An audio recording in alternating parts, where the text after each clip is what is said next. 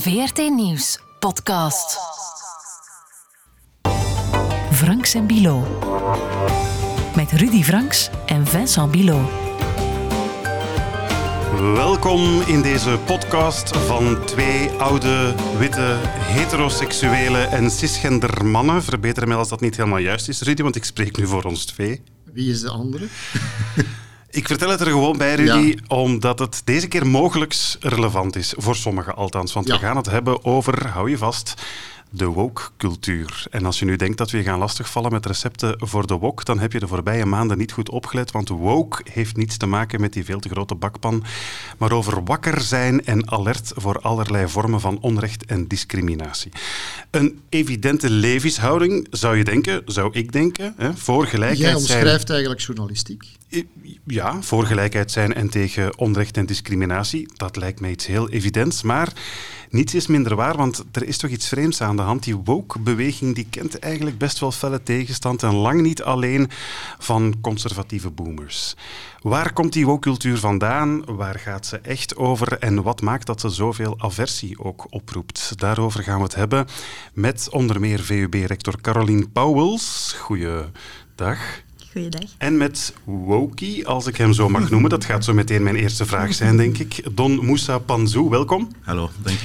Don, jij werkte tot voor kort als eh, kabinetsmedewerker voor eh, Brussel staatssecretaris Pascal Smet. Nu geef je workshops over diversiteit. Je bent ook co-auteur van het boek Yaya Naleki, waarin je het onder meer hebt over jouw Belgisch-Congolese identiteit. Mhm.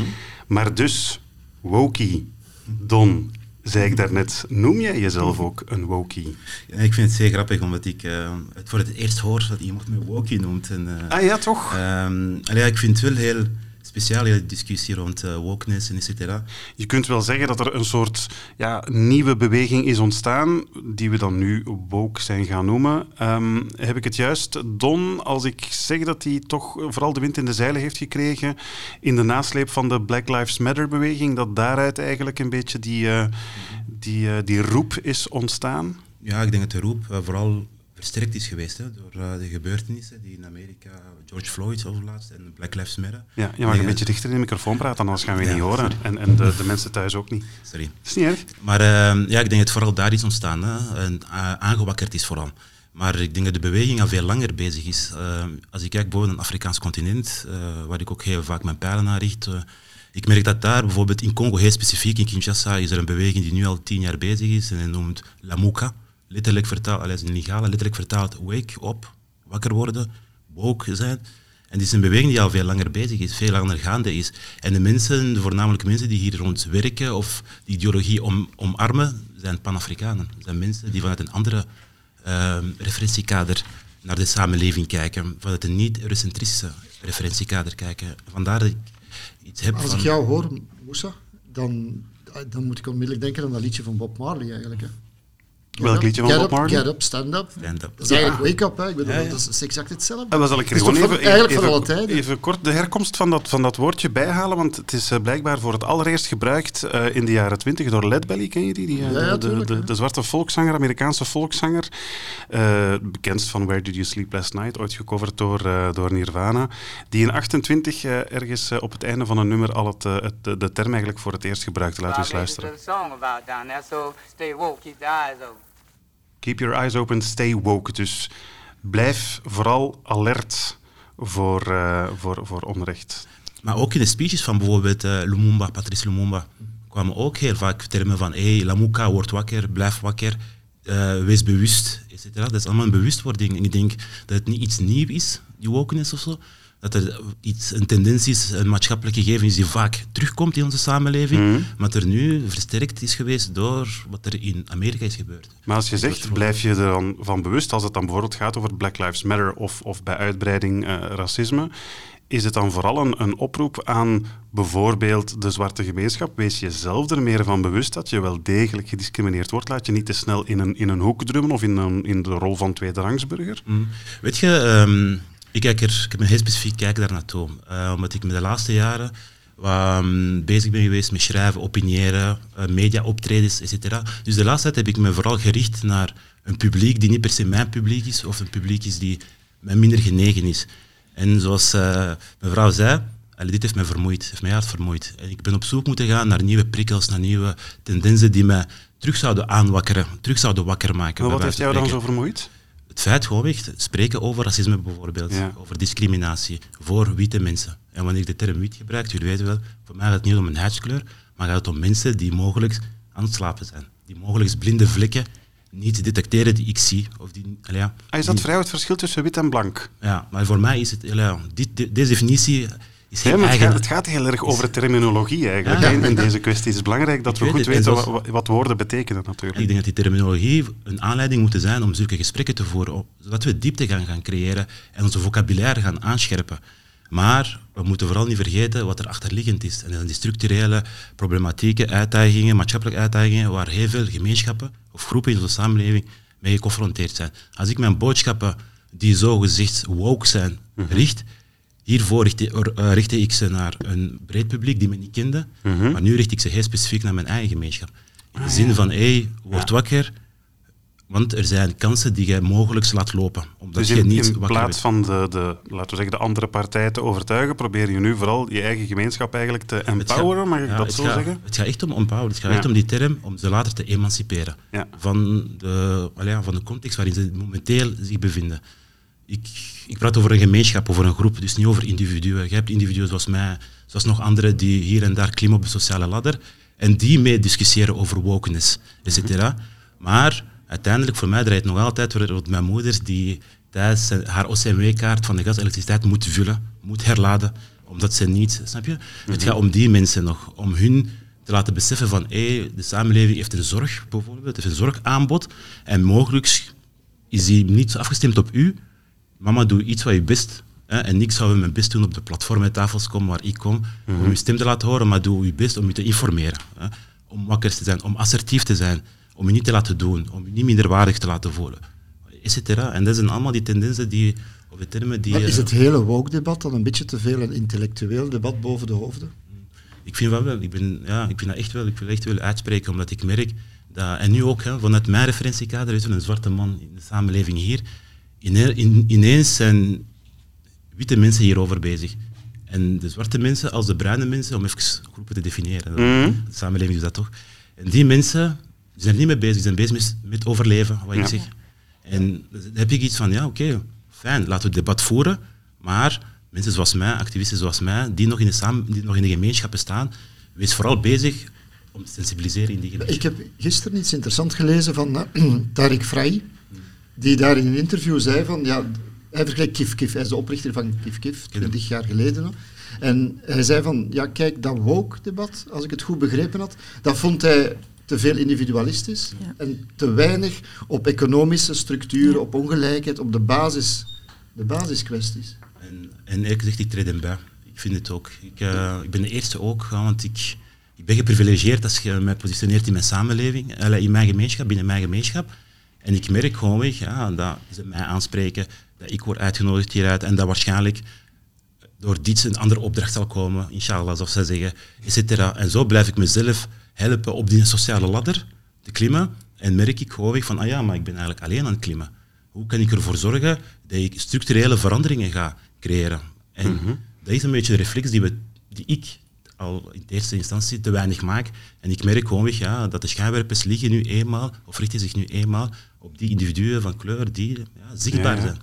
En Maar het is inderdaad een, een heel intellectueel debat geworden dat ook gevoerd wordt aan onze universiteiten hier eh, in dit land. Ehm, en dan kijk ik natuurlijk naar, eh, naar u, Caroline Pauwels, en naar uw eh, collega van de KU Leuven, Luc Sels, die onlangs dit zei bij de opening van het nieuwe academiejaar.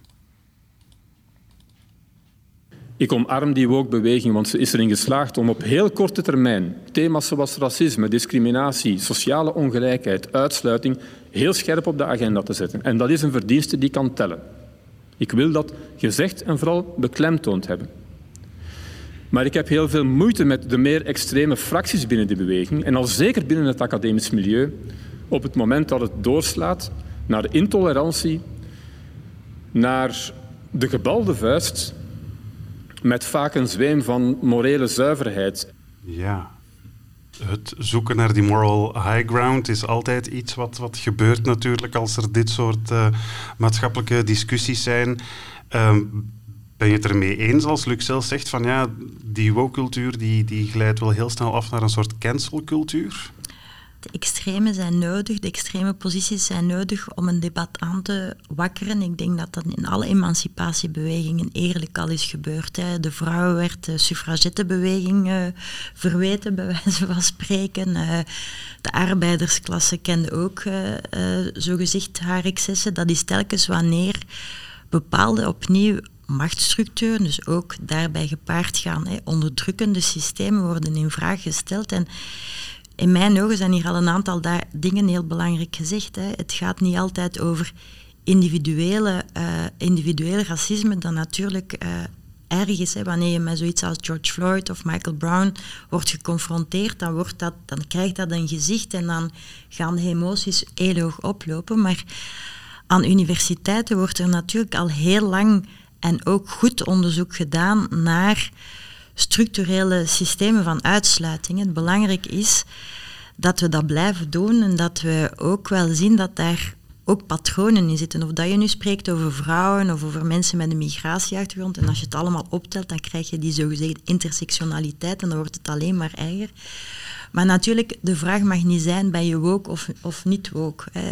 Uh, ik denk dat het ook belangrijk is dat we een en-verhaal hebben. Hè. Dus uh, ik denk dat het naar dan een, een, een blanke uh, of een, een westerse uh, meerderheid nog altijd belangrijk is om te duiden hè, hoe die discriminatie aan den lijve wordt ervormen, maar er, ervaren, maar opnieuw door structurele vormen van uitsluiting. De cancel culture voor mij zit in het feit dat bepaalde mensen in het onderwijs systematisch gediscrimineerd worden of uh, dat dat op de huisvestingsmarkt is, dat dat op straat is, hè, dat sommige jongeren meer worden aangesproken dan anderen. Dat is voor mij de cancel culture eigenlijk. En Rudy, als ik mag, je, je zei daarnet ook stand up for your rights, hè, eh, Bob Marley. Het gaat ook echt over mensenrechten. Het gaat over de basismensenrechten. Hè. Wij hebben recht op, op religie, op onderwijs, op vereniging enzovoort. Dus voor mij zou het fout zijn om ons eh, vast te pinnen op woke. En de, dus ik heb ook geantwoord op, op de interventie van, van Luc Sels. Als je cancel culture hè, vertaalt tot bepaalde boeken mogen niet gelezen worden of uh, bepaalde um, professoren uh, mogen niet meer zeggen wat ze willen zeggen of, of uh, niet meer rapporteren over het onderzoek of worden dat ontslagen, zoals in Canada? Wel ja, daar denk ik dat je een excess hebt. Hè. Uh, als je bepaalde boeken van de lijsten hè, zou halen, dan heb ik daar inderdaad zelf een probleem mee. Om, net zoals ik een probleem heb wanneer standbeelden absoluut moeten uit het standbeeld verdwijnen. Dat wil niet zeggen dat we er zoveel moeten hebben, maar ze allemaal weghalen, denk ik, creëert een taboe. Waar, waar, enfin ja, dat zijn allemaal zaken, denk ja, ja. ik, die je... Dus, maar die, die cancel culture, die ervaren wij, denk ik, aan, aan onze universiteiten. Nu spreek ik ook echt over onze universiteiten, niet echt. Het Zwarte Pieten-debat is bij ons, denk ik, gevoerd op een manier die opnieuw weer heel anders was dan in Nederland. Maar opnieuw, dat wil niet zeggen. En sommige mensen pinnen zich daarop vast. Dat is dan zo weer. Daar, mag, daar mag niet over gesproken worden. Daar moet over gesproken worden, want er is een vorm van structurele discriminatie die daar aan de basis van ligt. Dus de excessen, denk ik, mogen opnieuw ons niet richten, omdat het dan ofwel individualistisch wordt, wat wij dan met zo'n woord essentialiserend noemen. Hè. Dus uh, je wordt vastgepind op één identiteit, wat het nooit allemaal is. Of op een anekdotiek van dat boek mag niet meer gelezen worden, of dit of dat mag niet meer. Nee, daar moeten we, die hebben we ook nodig om het opnieuw debat op gang te trekken. Maar wat de universiteiten moeten doen, is dat NN-verhaal, denk ik. Hè. Enerzijds aan de dominante klasse die ik zie op de universiteiten. Hè. We hebben misschien aan de VUB al heel uh, diverse aulas. Opnieuw niet in alle richtingen, ook dat. Ook daar zien we een onderrepresentatie soms van bijvoorbeeld uh, jongens en meisjes. Hè. Uh, in bepaalde beroepen zie je heel veel ongelijkheden. Hè. Je, je wilt dat die aula zo divers mogelijk, maar ook proportioneel mogelijk is. Hè. Bedoel, dat, je, je ziet daar niet graag dominantie in. Maar wij moeten ook erkennen dat voor de aula nog altijd geen kleur aanwezig is. Als we het dan betrekken op kleur. Ik vind ook dat er nog te weinig vrouwen aanwezig zijn. Er zijn ook nog te weinig mensen met een beperking aanwezig voor de aula. Dus de inclusiviteit waar we allemaal de mond wel vol van hebben. En daar denk ik ook dat jongeren door ontgoocheld geraken. Hè. Wij hebben een hoog... Je zou kunnen zeggen, je bent ook en dan ben je moreel superieur, hè, omdat je voor die dingen opkomt. Oké. Ja, maar mogen we dan niet zeggen dat dat moreel superieur is? Want ik vind het raar dat we daar een verwijt van maken, de, de moral high ground. Mensenrechten, free speech, dat is toch moreel superieur? In mijn hoofd dan toch, hè? Ja. Omdat het de basiswaarden van de verlichting zijn. Ja, voilà. Ja. Punt. Dat is toch geen verwijt? Ik, ik, vind het raar dat men dat in dat hele debat als een verwijt gaat gebruiken. Als ook wordt gereduceerd tot hè, je bent uh, van kleur, je bent vrouw en, en, en je, je, de anderen hebben geen recht om daarover te spreken, dan heb je daar wel een probleem mee. Dan, dan vind ik dat het exclusief dat is. Wat sommige meer militante stemmen natuurlijk wel zeggen. Ik denk nu bijvoorbeeld aan een interview dat uh, uh, schrijfster en columniste Sabrine Ingabiris heeft gegeven in De Morgen, waarin ze zei, ik date niet met witte mannen. Ik vind ook niet dat witte mannen nog een plaats hebben in het debat over uh, racisme bijvoorbeeld, omdat zij...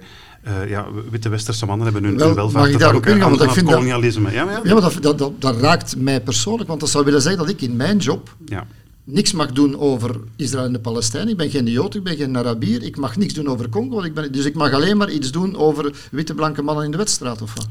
Allee, dat, dat, is, dat je mag mij aanvallen, je mag mij aanpakken op wat ik zeg. Maar niet op de persoon die ik ben, die dat zegt. Mhm. Kleur, seksualiteit, whatever. Ja. Ja, en daarom zeg je dat als we ook gelijk wordt gesteld aan moreel superieur, is dat jij dus bijvoorbeeld je niet meer over die dingen mag uitspreken. Dat denk ik dat we opzij Moeten, moeten laten. Maar dus daarmee, ik vind dat we ons niet mogen focussen op die extreme, maar we hmm. moeten het hebben over de kern van de zaak. En dat is die structurele discriminatie die ik denk dat Ton eigenlijk nog iedere dag uh, beleeft, veronderstel ik. Ook al is hem, zoals u zelf gaf, ook al een voorloper hmm. in uh, het hele verhaal maar het is dat juist, en ik vind het fijn sowieso dat je het een N-verhaal van maakt, omdat het, het is een N-verhaal. In de samenleving merk je dat er verschillende snelheden zijn, gewoon echt koer op heel dat inclusiviteit-debat die nu gaande is. Er zijn mensen die al verder staan, bij wijze van spreken. Is dat nu een superioriteitsgevoel dat jij moet geven aan hun? Dat weet ik niet. Ik denk gewoon dat je moet erkennen dat er bepaalde mensen ingelezen zijn of bepaalde mensen al een ideologie van, of een idee ervan hebben ontwikkeld en het hebben zich toegeëigend, zoals Sabrine bijvoorbeeld. Zij heeft zich mhm het thema toegeëigend en zij is telkens op zoek naar een safe space. En dat is voor haar, zo definieert ze haar safe space.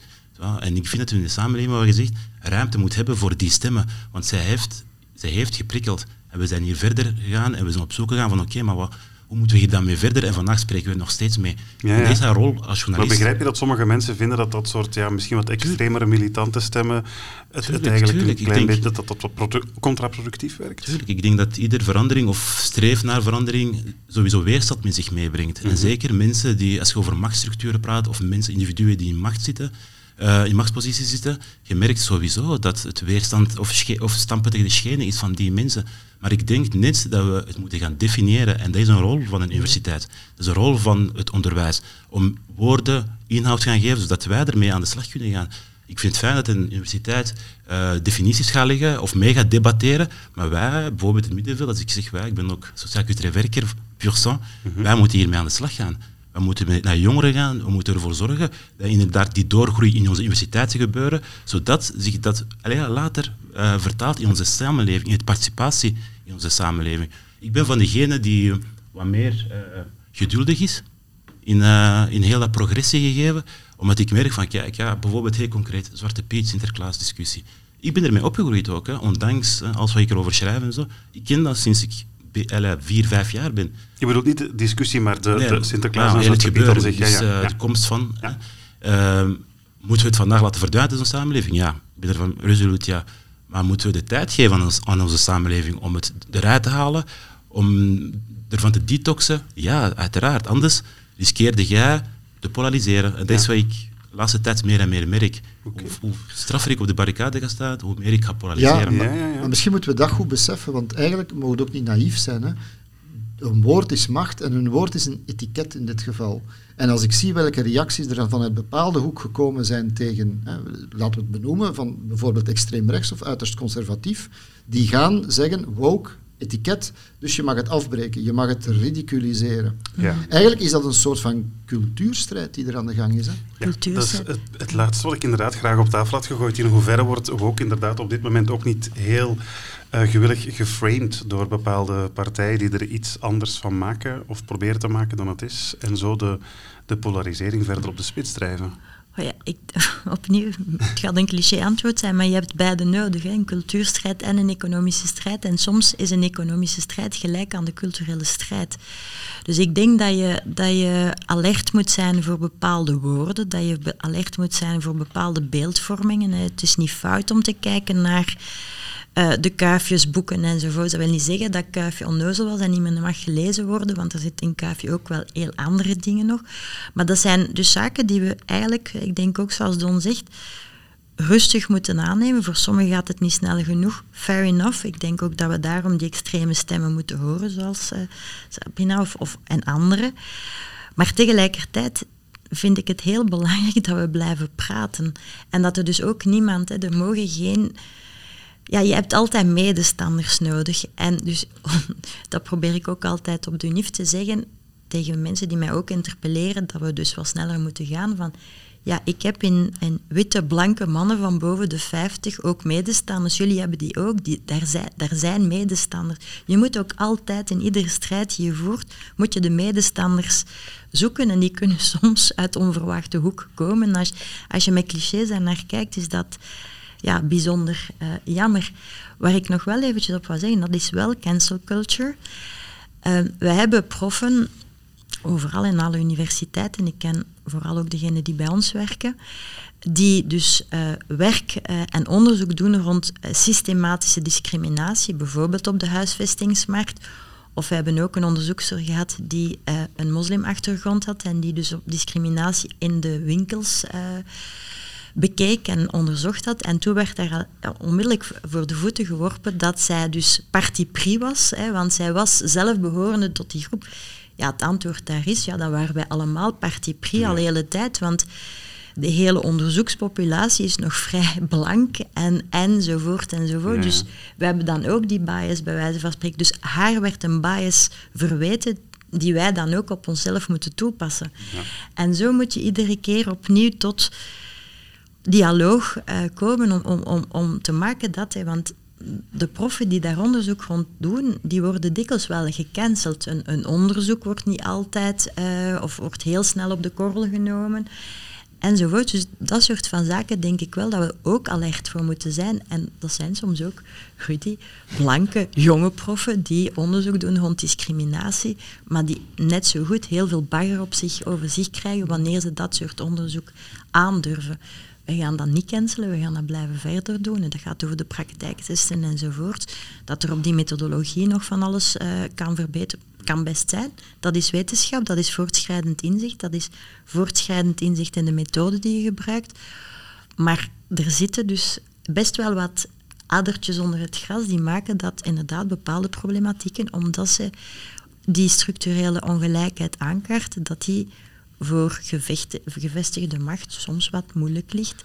Maar is het woord woke, hè, want daar draait het rond, is het dan een ereteken voor sommigen of een scheldnaam voor anderen? Ja, blijkbaar is het dat. Hè. Het is voor de ene een ereteken, voor het andere. Ik, ik zou graag hebben dat we de discussie wegnemen van woke, hmm. eerlijk gezegd. Ik denk dat ze ons verengt in het debat.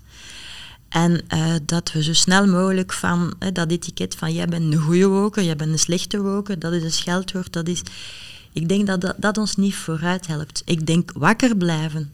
Als dat het is, maar de, ze de beweging. het etiket erop. Ja. Na deze podcast gaan ze u woke noemen, gaan ze Moussa woke noemen, gaan ze ons misschien oude wokies noemen, whatever. Maar uh, etiketten sowieso interesseren mij nooit. in het, uh, ik, ik vind het oprecht fijn dat tafels diverser worden. En opnieuw, ik ben een wetenschapper en ik leer alleen maar in die diversiteit. Ik leer alleen maar in die, en, en dat kan een maatschappelijke diversiteit zijn, dat kan een wetenschappelijke disciplinaire uh, diversiteit zijn. Zo gaat de wereld vooruit. We, we weten enerzijds dat bedrijven die een diverse raad van bestuur hebben, dat die beter functioneren. Dat die, maar we weten ook hè, uit recente cijfers dat de meeste raden van bestuur nog heel eenzijdig zijn en monomaan, bij wijze van spreken, zijn samengesteld. Dus we zitten in, in, in dat verhaal. Ik denk ook, we zitten vandaag in een internationalere samenleving dan vroeger. Met groepen die assertiever worden, en nogal wel dat ze assertiever eh, worden. Wij hebben ook onze jonge jaren gekend en wij waren ook verontwaardigd over de waarden die ons werden voorgeschoteld en waar we die reality check deden en zeiden, ja sorry, maar jullie maken ons blaasjeswijs. De wereld is niet gelijk, maar 68 was zo één en, enzovoort. Dus ik vind dat het van alle tijden is. Ik vind dat jongeren en, en opnieuw die extremen ons moeten bij de les houden. Maar de extremen moeten niet bepalen hoe wij het debat, enfin, ik heb het al eens gezegd, hoe we het debat gaan voeren. Wordt er een etiket op mij geplant? Plakt, oké, ik ben ook al een dom blondje geweest, ik ben al van alles geweest, ook, ook die etiketten kan ik realiteit... een dom blondje met de arkprijs op zak, hè?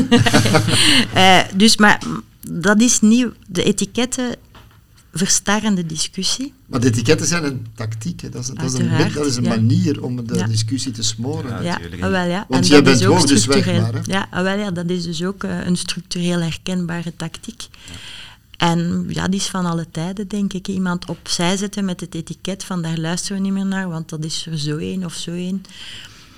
Ja, voilà, ik weet alleen uit ervaring dat dat niet de manier is waarop dan verandering uh, teweeg, brengt, uh, teweeg komt. Ja. Nee, ik vind uh, inderdaad het censureren van mensen of cancelen van mensen, dat dat iets heel moeilijk is. En wij uiteindelijk, wat ik fijn vind in de discussie nu, dat er inderdaad wel een internationale dimensie in de zin van, we leven allemaal tegenwoordig in kleine netwerken. En die netwerken kunnen ook in, op WhatsApp afspelen of zo en dergelijke. En ik merk bijvoorbeeld, ik krijg filmpjes van, van in Kinshasa, van bewegingen die zich ook woke noemen. En je merkt gewoon dat ze streven naar dezelfde veranderingen dan bijvoorbeeld wij hier aan het streven zijn. Naar meer werk, meer toegang tot een beter woonst, etc. En dit allee, verenigt mij eigenlijk. En dat vereenzelvigt onze strijdkreten. En allee, het geeft ons een identiteit.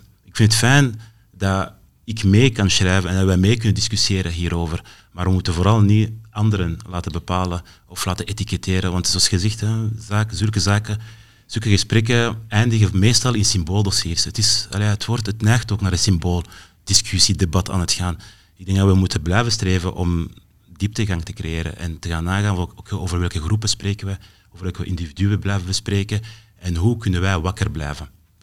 En al die mensen, allee, ik ben een beetje een platte. En al die mensen rondom mij die zeggen, oh, dan, je zijn woke, zijn niet woke, ah, dank je, ah, jammer. allee, uiteindelijk denk ik het ook zo. Want um, voor iemand die um, hulp nodig heeft, is het altijd nu een moment voor hulp. En die staat niet te wachten op... Uh... Mag ik nog iets toevoegen, omdat je naar Tarik Vrij verwees? Ik, ik zou graag naar Hint Vrij, de, de, zus, verwijzen, die ook zo zei van kleuren dat gebruiken bij de was, bij het scheiden van de was. Dit is niet geen dat ons moet uh, bezighouden, maar we moeten wel alert zijn voor die structurele ongelijkheid, maar ons niet enkel en alleen door dat soort zaken, door dat etiket te laten determineren. Ja, ik, vind, allee, ik ben, ben ook mee hierin. En ik merk gewoon, bijvoorbeeld binnen de groepen waar ik mee werk, zij zijn ook heel hard, heel neig bezig met kleur. Kleur definiëren, et cetera. En zo creëren ze ook voor zichzelf blinde vlekken.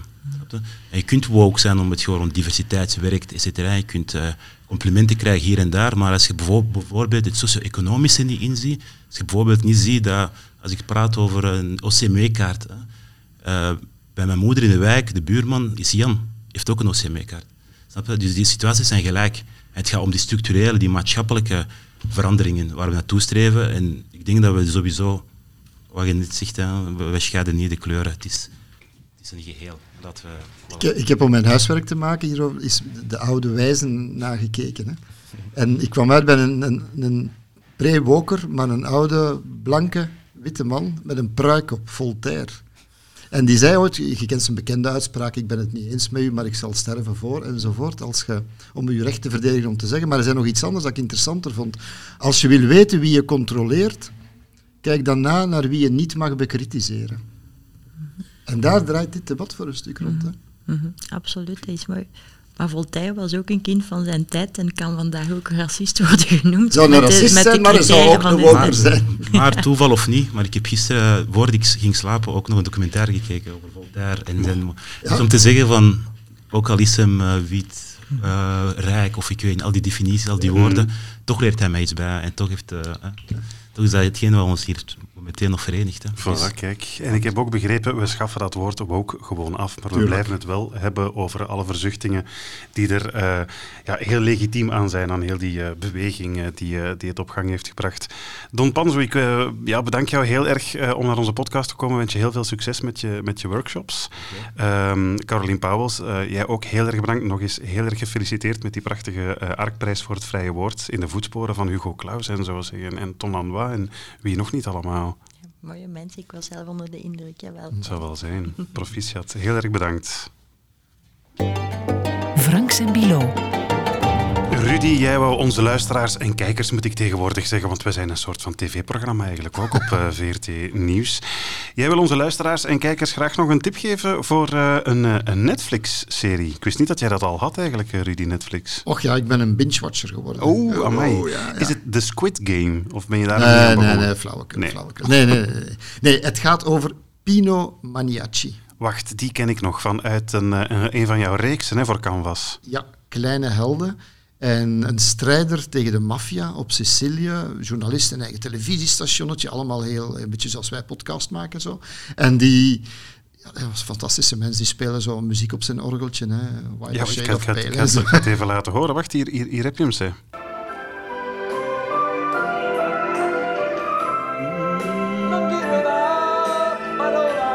Ja, ja, ja. Pale, kijk, het is gebaseerd op de melodie van... No idea. Sebastian Bach. Dus eigenlijk, ah, dat orgeldeuntje is eigenlijk gebaseerd op iets van Bach. Dus Pino Maniaci speelt Bach. Voilà. En dus over die man die jij toen ontmoet hebt daar op Sicilië, die uh, maffiastrijder, is er nu een Netflix-reeks Ja, ik vond dat een fantastische mens. Ik bedoel, terwijl hij op zijn orgeltje speelde, was mevrouw in de pasta aan het roeren, die we dan achteraf oh, kregen. Ik ben er helemaal... Ja, ja, je moest erbij zijn. Maar goed, dus, en achteraf werd hij zelf, toen ik terug was, want we hadden er een kleine held van gemaakt, bleek dat hij zelf onder, uh, ja, dat er een onderzoek van maffiamagistraten tegen hem was. Ik dacht van, ja, hoe kan dat nou? Mhm. En hij leek verbrand. Hè. Ik bedoel, de grote strijder tegen, tegen onrecht bleek zelf dan beschuldigd te worden. Van corruptie? Van corruptie, maar eigenlijk was het een soort van, ja, is misschien een botsing der ego's tussen hem en die magistraten die de maffia zou bestrijden, die hij dan weer verweet van enzovoort. Dus ik ben heel benieuwd. Ik ga zelf ook, ik moet nog kijken. Ik, ik zit te wachten tot het weekend om dan te zeggen van ja, nou ga ik eens naar Pino zien. En, en ik hoop eigenlijk een heel klein beetje dat hem ook op zijn orgeltje speelt. Eh, de reeks zelf heet niet Pino, maar Vendetta geloof ik hè? Ja, ja de Vendetta tussen de anti-maffia en de maffia. Ja, oké. Vendetta op uh, Netflix dus. De, de kijktip, de binge-tip van uh, Rudy Vanks. En meezingen, hè. Voilà. Franks en Bilo. Als je onze Facebookgroep nog niet uh, hebt bezocht, dan moet je dat zeker eens doen, want je kan daar niet alleen je mening geven over deze bescheiden, maar laten we eerlijk zijn, fantastische show. Je kan er ook meepraten over de actualiteit en ook onderwerpen aandragen die we dan misschien, misschien in een volgende podcast wel behandelen. Hè. En kijk en leestips vanaf nu. Zoals zeker. Vendetta bijvoorbeeld. Gaan we daar nu bij zetten, dat vind je dan op onze Facebookgroep. En ik heb wel iets in mijn mouw zitten voor over een maand. Maar dat, is voor, dat is voor later. Maar vooral, we filmen ook. Hè. Alles wat we zeggen wordt ook getoond. Zeg mama, papa. Voilà. En we posten de video op VRT Nieuws en in de, de Facebookgroep. Ja, en als je onze show goed vindt, dan uh, moet je misschien eens een review geven in je podcast-app, want dat helpt dan andere luisteraars om Franks en Bilo ook te ontdekken. En als je dan toch denkt dat er opmerkingen of verbeteringen moeten, vb.vrt.be. Ik zou niet weten de welke, maar mail ons gerust. We lezen al jullie mails. Dan rest ons alleen nog om een paar mensen te bedanken. Hè. Onze gasten, Don Panzu en uh, Caroline Pauwels. Ja, zeer uh, geëerde mensen. Hè. En research Lupna Galgali. Eindredactie was in handen van Vincent Merks. Presentatie, dat waren wij. Franks. En een wokie. ah, je bent mij aan het framen. Dat mag niet. We gingen, dat, we gingen daarmee stoppen, Rudy, met framen. en etiketten plakken. Foei. Bedankt voor het luisteren. Tot de volgende keer. Dit was een podcast van VRT Nieuws. Je vindt er meer op de podcastpagina van vrtnieuws.be of via de podcast-app op je smartphone.